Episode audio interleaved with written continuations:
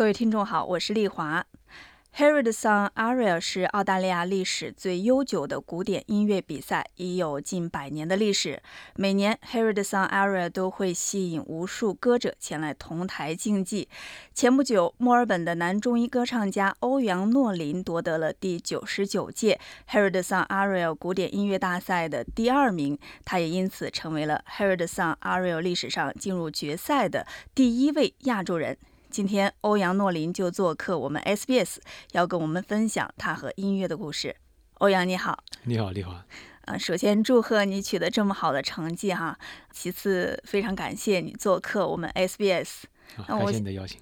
嗯，我想对你来说，这次比赛哈一路走来，呃，除了这个满满的收获之外，有一些非常难忘的这个经历，能不能具体给我们介绍一下 Harry 的 Song Aria 这个比赛，以及你在这个过程当中的一些特别的经历呢？Harry Song Arias 这个比赛呢，它是今年是第九十九届，也意味着它有非常非常悠长的历史，它同时也是澳大利亚古典比赛里面最久的一个比赛。对于我来说，当我第一次来到澳洲的时候，我就知道这个比赛。作为一个古典声乐的学习者，一个爱好者，我知道这个比赛对于所有的古典声乐的这个学习者来说，都是一个非常非常高的一个殿堂。这次比赛在从开始，包括报名的时候，包括正式开始比赛的初赛、半决赛、决赛，对我来说都是一个非常非常宝贵的一个经历。不光是比赛带给我的一个这个成长，更多的是准备比赛这个对我来说的一个这个进步。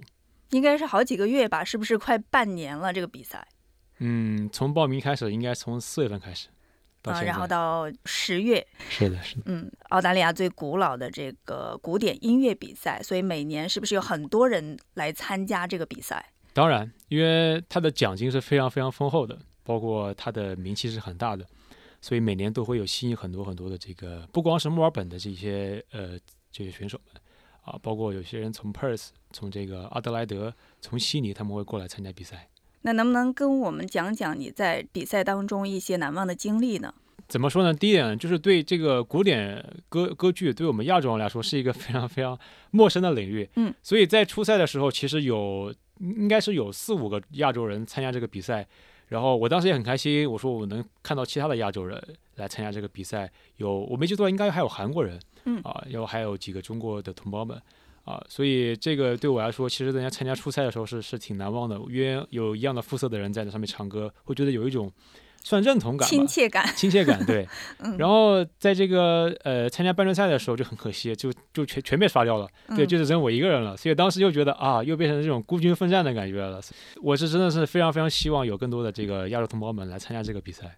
在社交媒体上发了一段当时你决赛的视频，是吧？那是你决赛的唱歌的那个表演的视频吧？对，音乐是无国界的啊，听着是确实是非常的震撼。刚刚你也提到说，在整个过程当中，可能亚洲人就那么几个，你是披荆斩棘，然后留到了最后哈。面对这个强劲的对手，你觉得？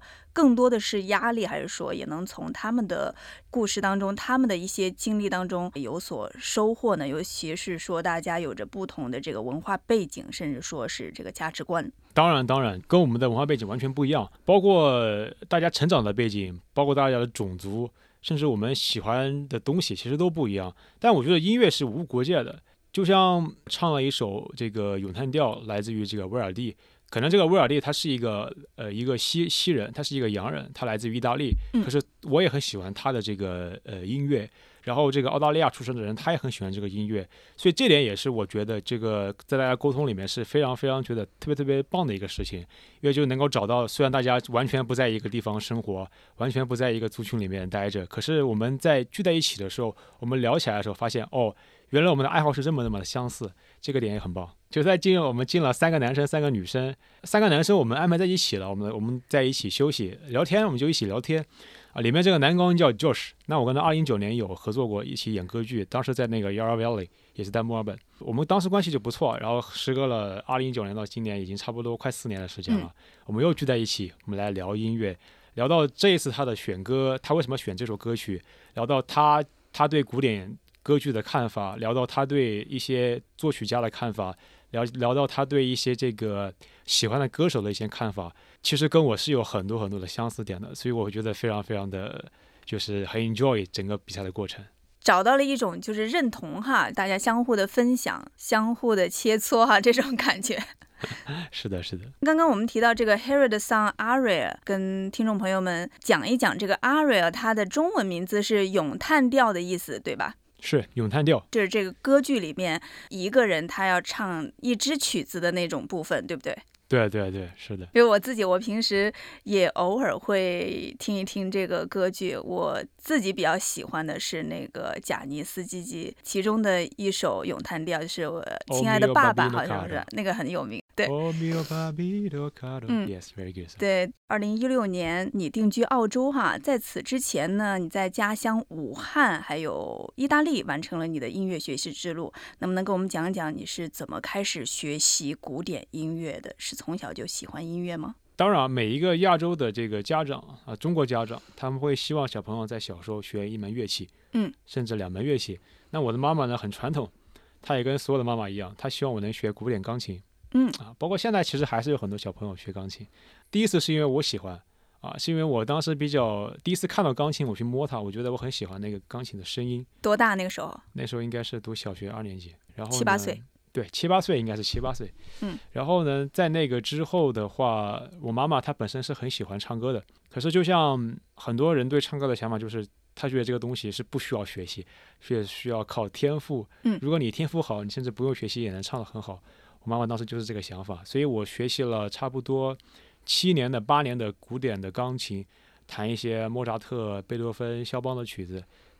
男男孩嘛，男孩比较调皮，嗯，会比较嗯坐不住，坐不住，对，嗯。然后所以的话，我就是会经常坐不住，我不想练琴，不喜欢练琴，慢慢抵触。后来在初中的时候就放弃了学习钢琴。那唱歌呢？唱歌的话，应该是在一十六、十十十十七岁的时候，当时成绩很不好。嗯，当时我在中国参加这个高考，然后中国有两种办法可以可以考上这个一本大学，一个是靠成绩，嗯啊，就是普通的一本大学；那一个呢，就是要艺术类一本。就像我上了这个学校叫武汉音乐学院，嗯啊，我其实成绩是非常非常拉胯的啊。那我就当时就说，我说我妈就说，她说那你要不尝试一下，通过别的专业能不能考上这个艺术的一本大学？所以我就当时决定跟我老师学习声乐，因为我本身就非常非常喜欢唱歌。我小学这个放学的时候都会就是边写作业边唱歌，就根本停不下来。嗯，这个成为了一个习惯了哈。是的，是的。嗯，接着就是聊高考这个事儿，然后完之后呢，就是我们去这个武汉音乐学院啊学习这个流行唱法。嗯，那我本身其实条件其实是呃一个男中音啊啊男中音的话，就是其实当时在这个市场里面其实是很不被看好的。啊，大家的这个传统印象里面，还是一些这个高音歌曲可能会稍微显示这个歌手是有实力的。嗯，那对于我来说，我是一个中音歌手，那我的高音可能相对来说就比较困难。嗯，啊，从那个时候开始，我了解到这个，当然之前也有一点了解，但没有很多，就是什么是歌剧，什么是古典声乐。嗯，古典声乐其实并不是流行流行声乐，它是两个不同的一个概念。然后我开始去在网上找一些视频，开始找老师去请教。所以从那个时候开始，我真正的开始接触什么是古典声乐。呃，刚开始听的时候，就就像国内很多人对美声的这个概念，就是他们觉得这是老年人听的嘛，老年人唱的嘛。啊，李双江这种就是他们可能比较一些上了一些这个年纪的人会喜欢听。嗯，刚开始最开始我听的是这个《滚滚长江东逝水》。嗯，我听过。对，可能这首歌年龄比我都大啊。然后当时其实不太喜欢。对，嗯。但我第一次听到这个 Luciano Pavarotti，这是一个意大利的一个、嗯、一个帕瓦罗蒂，对男高音歌手、嗯、很有名，唱这个唱的其实不是我的太阳，我第一个听的其实是那个 Nessun Dorma，这是一个歌剧咏叹调，来自于这个歌剧《图兰朵》，叫做《今夜无人入睡》，非常非常有名。嗯，是的。我当时听的时候，我觉得就是整个人的那个汗毛都竖起来了，我觉得哇，怎么会这么厉害？嗯，他没有用麦克风唱歌，可是他唱歌声音非常非常大，能能比整个这个。交响乐团的声音还要更大，我当时非常非常惊讶。我说这个是怎么做到的？我就开始做一些研究，开始去网上找一些资料。对，所以这个应该算是第一次非常非常喜欢这个古典声乐，嗯、开始真正的想去了解了，有这个兴趣了哈。是的，是的。嗯，那后后来你到意大利去学习了。是，没错，因为你可以上网搜一下，就是说你搜歌剧，你搜一些歌剧的歌手，他们基本上都来自于意大利。因为我是一个特别特别对问题特别特别喜欢就是钻研的人。就我想知道那个背后面到底是什么样的底层逻辑，我觉得我想去那个地方看一下，我要看他们到底是怎么运作的，那些人到底是怎么唱歌的，到底是不是普通的意大利人，就是这种街上你随便找个人也能唱歌，是这个想法让我去意大利。我说我要去那边深造深造，然后我跟爸爸妈妈说，他们也很支持我，他们说啊你去吧，我非常非常支持你的想法，但你要为你的这个想法付出代价，就是你要一定要先想好，你再去决定你的想法。嗯，什么代价？什么代价？就是他们不会给我很多很多 support。为什么呢？他们是不希望你去吗？就是如果你要你要离开父母，OK，那行吧，因为他其实是不想我离开他们的。离开他们之后，他们说那行吧，那你去那边，你去那边学习，那你我生活费给你不会很多，还是能保持我正常的这个衣衣食住行啊。那几年过得非常非常的这个 艰苦。能进意大利的那所大学困难吗？啊，非常非常困难。这个学校叫帕尔马音乐学院，是一所以这个声乐跟这个钢琴艺术指导很有名的一个学校。那每年这个都会有很多人去去报这个学校去考试，呃，然后它的淘汰率也非常非常残酷。那我选择帕尔马音乐学院是因为我特别特别喜欢威尔第，就是这个作曲家啊。虽然威尔第不来自于帕尔马，威尔第来自于帕尔马周边的一个小镇叫做布塞多，来自于这个地方。但是你知道帕尔马就是你在街上走路你都能看到一堆威尔第的一些一些雕像什么的。对，所以我很喜欢这个这个学校。然后我选择去考试这个学校，难度非常非常大。所以在那一年里面，我请教了很多很多老师，花了很多很多的时间来来琢磨自己的意大利语，来琢磨自己的唱歌方法。最后面确实也是成功考上了，很幸运。大概一百个人考试吧，可能大概一百个中国人，可能差不多一年可以录五到十个中国人。当时在这个广州有学很长时间意大利语。在国内学的，其实说实话用不太到，也是因为自己后来去了意大利，然后又找了意大利人学意大利语，所以可能学的相对比较好一点。父母对我要求很严格，就是他觉得在外面的话，你就要少花，你就要少花钱。当时我记得没错没错的话，我住在一个这个类似于酒窖的地方，嗯，也不算地下室吧，就酒窖，它本来是用来放酒的，因为租金很便宜嘛，然后又可以一个人住，因为我我的耳朵听力特别特别好，所以我对一些噪音就是比较比较敏感，嗯，所以我不太希望就是住的地方有很多人，大家住在一起。所以我选择这个地方，就第一个是因为它没有什么噪音，第二个就是因为它的这个价格比较便宜。我在那个酒窖里面，差不多前前后后住了三年时间吧。嗯，在爸爸妈妈身边呢，其实都还就是什么都不要想，不用我不会做饭。我最夸张就是我去意大利的时候，我当时不知道怎么炒那个土豆丝，因为意大利人特别喜欢吃土豆，嗯，喜欢吃薯条。然后我买那个土豆回来，然后我都不知道原来土豆要削皮。我直接把那个土豆用刀切成几半，就放里面炒，炒了很久也没有炒，没熟。锻炼了你的这个自理能力哈，还有其他方面的综合的这个生存能力。是的，是的。之前你提到说带着这个疑问，然后去了意大利哈，那边的人是不是就像你之前想的呀？大家都会唱？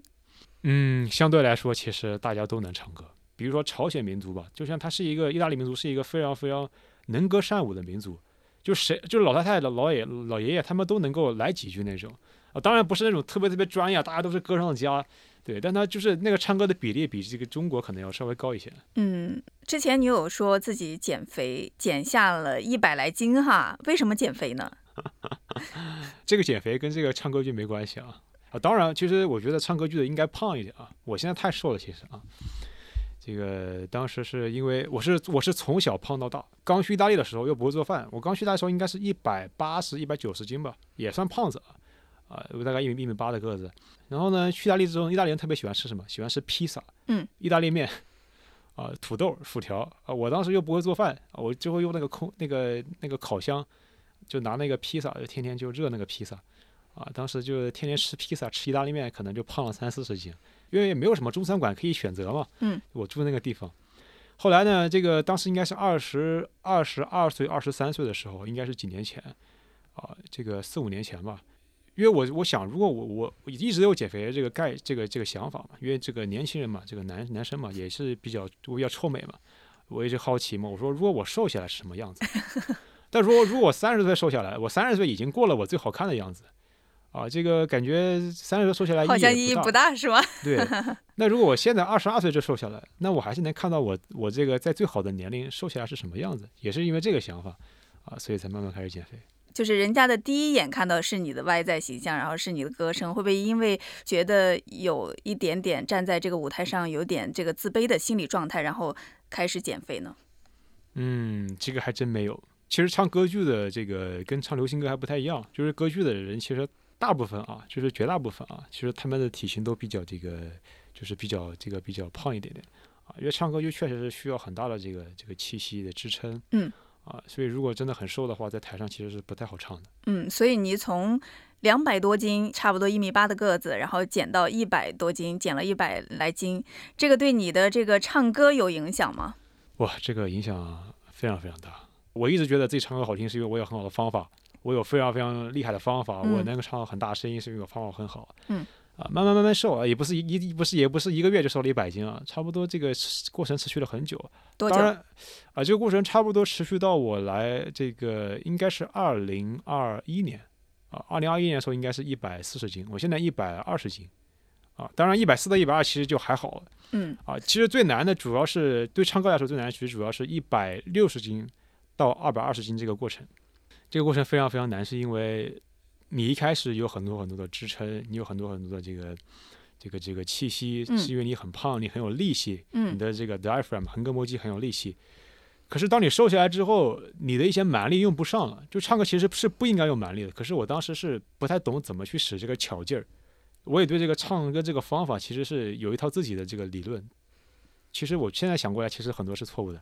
嗯，我就用蛮力，但我很有力气，我就唱很大声。然后瘦下来之后，发现自己按照之前那个唱法唱，发现唱不上去了，那高音唱不上去了，低音低不下来了，觉得哎呀，觉得突然一下怎么感觉这个唱歌是个这么难的事情啊？当时一度想放弃。我当时记得特别特别清楚啊，我当时去这个威尔第的故乡，就布塞多这个地方，就有一个大师叫做 Real b l u z o n 啊，这个大师是一个威尔第男中音，非常非常棒的一个大师。我上他的大师课 Master Class。让我唱一首这个咏叹调，叫这个《I j a v i n t a c a u s a 呃，这个来自于这个博尔特的歌剧，这个啊《费尧的婚礼》嗯里面这个歌剧的一个咏叹调啊，我就发现按之前那个唱，我就怎么唱唱不上去。就我在那个火车路上，我还跟那个钢琴伴奏，我们还俩我们俩还商量，我跟说我说这个减肥跟这个唱歌有影响。当时自己完全不知道为什么突然会这个样子。嗯，后来呢，在那个时候，经过很长的一段时间。很长的一段时间，大概有两年的时间，我在网上找各种视频，我在拜访各种老师，我学到了一个正确的呼吸方法，一个正确的肌肉使用方法，不再去用那种蛮劲去唱歌了，开始唱歌的时候有点很多巧劲了。也是从那个之后，我觉得我的唱歌进步了非常非常多。嗯，所以找到了真正的这个方法哈，找到了适合这个体重的方法。那你减肥的这个过程，应该是从两百多斤到一百斤，应该是花了几年的时间吧？前后花了差不多四年五年的时间。这个过程困难吗？是怎么减下来的？啊，现在回想起来并不困难，就是食物其实是一种慰藉。什什么叫一种慰藉？就比如说你今天特别特别想家，你今天学历压力特别特别大，可是你又你又没有地方去泄去释放这个压力？对于我来说啊，我不是说所有胖子，对于我来说，我的方法就是吃东西。嗯，我会疯狂的吃东西。我觉得吃吃，我觉得吃东西会会让我觉得释放压力。对我来说，食物是一种慰藉。就像你今天不开心，你会去打篮球，你会去唱歌。对我来说，吃饭是一种慰藉。所以我当时只要是不开心，我就会疯狂的吃东西。就也不是饿，就是觉得吃完东西之后，我的心里就开心了。对，所以这个其实是最最难的，就是你的情绪没有输出口了。嗯，就是你不知道，比如说你今天上课被老师骂了。你回家之后，你其实以前你就是你可能你今天吃两张披萨，你的心情就开心了，让你开始在那个地方玩游戏。可是我今天不能吃两张披萨了，我今天回家之后，我看的是一堆一堆沙拉，吃完之后可能让我的心情心情更更难受。我就觉得啊，我觉得怎么办呢？我就吃完沙拉之后，我发现根本没有吃饱，也很也很也很难受，所以我就开始找别的舒服口了。对我就可能开始找一些，比如说我去运动，我去疯狂跑步，我去疯狂的骑自行车。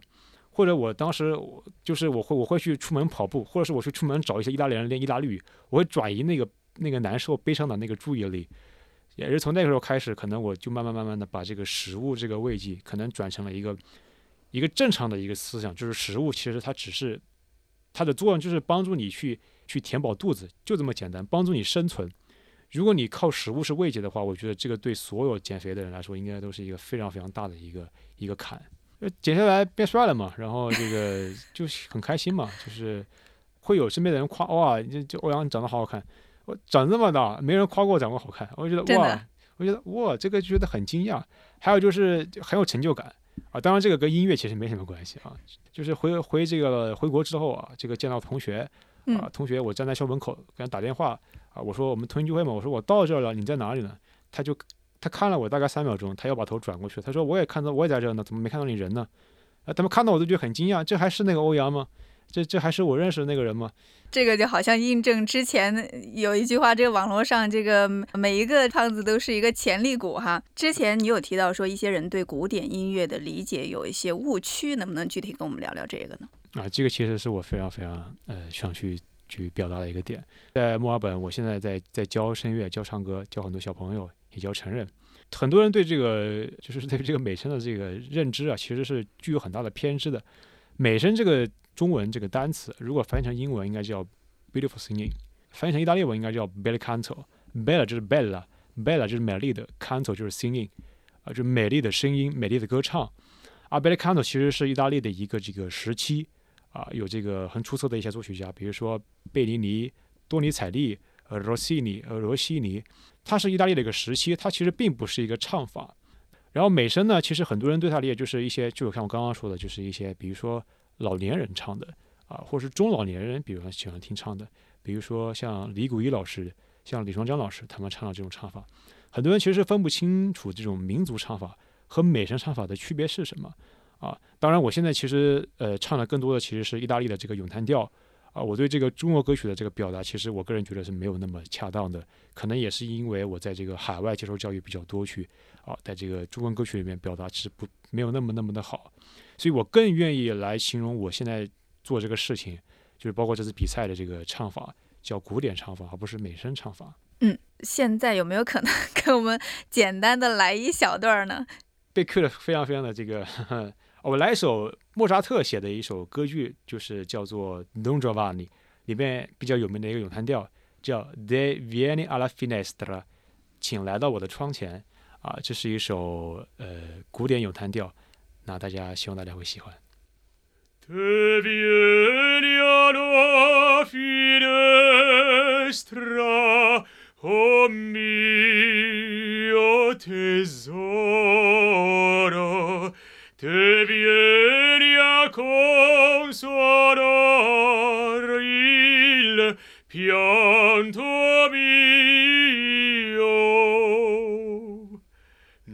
谢谢谢谢欧阳，太美了！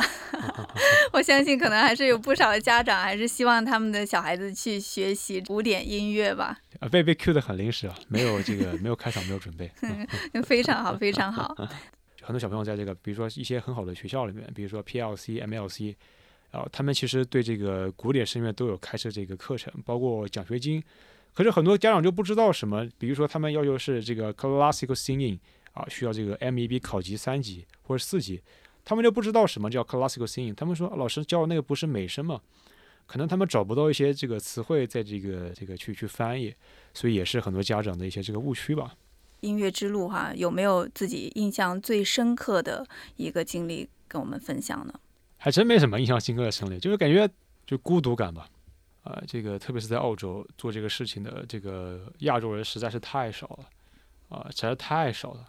呃，更别说这个中国人了，太少了。所以说，每次去参加比赛也好啊，还是参加一些演出也好，身边全都是这些这些吸引的老太太，或者吸引的一些这个歌手们。你是怎么来克服这种孤独感的呢？对我就觉得就是两个字吧，就是坚持吧。可能跟我这个人性格比较轴。嗯，那目前除了工作哈，我也知道你在继续的深造，能不能跟我们介绍一下目前正在做的事情？那我目前在这个维多利亚大学啊，我在读这个呃 PhD，在这个 Educations，这个 Music Education，就是这个音乐教育。嗯，我的这个论题呢，就是主要就包括这个多元文化背景啊，就像我这种多元文化背景，比如说我是个中国人，我在意大利学声乐，我现在在澳洲教教声乐，这个听上去就就感觉还挺特别的。这个多元化背景的人，就比如说我们是个中国人，我们在澳洲，我们应该怎么样去利用这个优势去去教学？当然，其中有很多劣势，就是我们的语言不如这些当地的这些本地人。啊，当然我们有很多很多优势，我们有很多很多我们的这个这个这个观念想法，该怎么样把我们的这些不同的文化的这些感觉，把它利用到最大化，去作为你教学的一个优点，而不是仅仅只是一个劣势而已。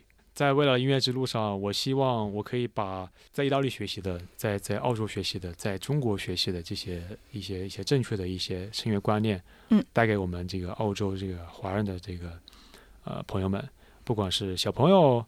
还是一些这个大人，歌剧里面写到亚洲角色的啊，呃，据我的了解啊，就是蝴蝶夫人，关于日本的啊，啊，图兰朵是就是就是这图兰朵是一个普契尼对对这个我们这个亚洲这个当时在这个那个世纪里面他们的一些幻想，或者还有别的歌剧非常非常的少啊，这个其实是非就比如说这个白头发、黄头发，那我们就得带一些这个道具上去啊，化妆上也得化了自己像外国人一点，其实是有非常非常大的一些这些这些困扰的啊。但还是那句话，如果你很坚持，这些都不是问题。呃，任何的困难跟任何的困扰都可以，就是去克服它。你是怎么来说服自己的呢？我来说服自己的这方法其实就是，大家唱的都是一些很老的东西，都是一些欧洲的东西。虽然可能你们的祖先来自于欧洲，可能你们的爸妈来自于欧洲，虽然我不来自于欧洲，可是我特别特别喜欢这个东西，我甚至比你们还要了解。就像上次比赛的时候，那个主持人问我的，主持人问我，他说，他说你是不是每天都会练习很久，练习唱歌很久？就像练钢琴一样，每天都要练很久。其实其实并不是这样子的。我其实每天练的不会太久，因为就像我说了，声带是其实是很宝贵的东西，我要爱护它，珍惜它。我每天做很多 research，做很多的调查的研究。如果你真的把这个东西很喜欢它，你真的是做很多调查跟研究，你会发现你可能比其他的歌手们要更了解这个文化。虽然你不来自于这个地方，可能很多老外比我们更了解京剧，虽然我们是中国人，其实是一个一个道理。他很了解，他发现其实这些人都没有他了解，可能他会在那个里面找到一种认同感吧，这是我的想法。从了解当中找到认同感，是的。嗯，好的，谢谢，谢谢欧阳的分享，也希望未来有更多的机会能够听到你美丽的声音，谢谢你，谢谢你，谢谢你。